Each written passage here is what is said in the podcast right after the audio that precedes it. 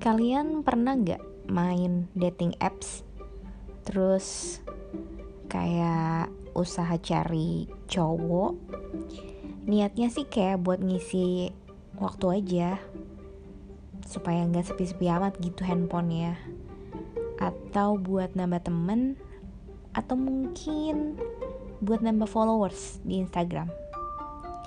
Kalau pernah, kalian satu server sama gue Cuma bedanya, balada cinta gue kali ini ditentukan oleh magis yang tidak lagi-lagi campur tangan ke kehidupan dan kisah cinta yang romantis.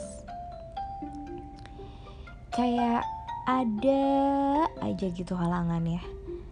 Kayak percuma aja gitu usahanya. Bukannya putus asa sih ya tapi lebih ke kayak pembuktian aja gitu. Sampai detik ini belum ada tuh yang nyantol. Seru di awal akhirnya hilang. Terus kalau enggak kayaknya asik deh. Terus tau-tau hilang. Hilangnya gimana? Hilangnya tuh kayak lebih ke banyak hal alasan dan apa yang bikin mereka ngilang gitu loh. Mungkin kayak kalau bahasa anak kekinian tuh ghosting kali ya. Untungnya gue nggak gampang jatuh hati. Hmm, mungkin bukan nggak gampang jatuh hati tapi lebih ke kayak gue terlalu cuek kali ya. Jadi kayak ya udah mumpung belum ya nggak apa-apa lo pergi. Cuman kayak sebel aja gitu.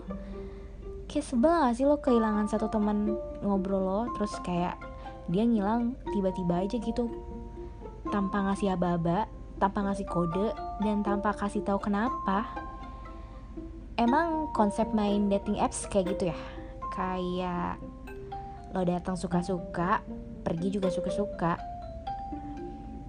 Hmm, lebih serem dari jalangkung sih ya. Kalau jalangkung kan emang datang gak dijemput pulang gak diantar sih. Tapi lo panggil bahkan disuruh pulang aja nggak mau. Itu kan kayak lebih perhatian ketimbang cowok-cowok yang ada di dating apps gak sih?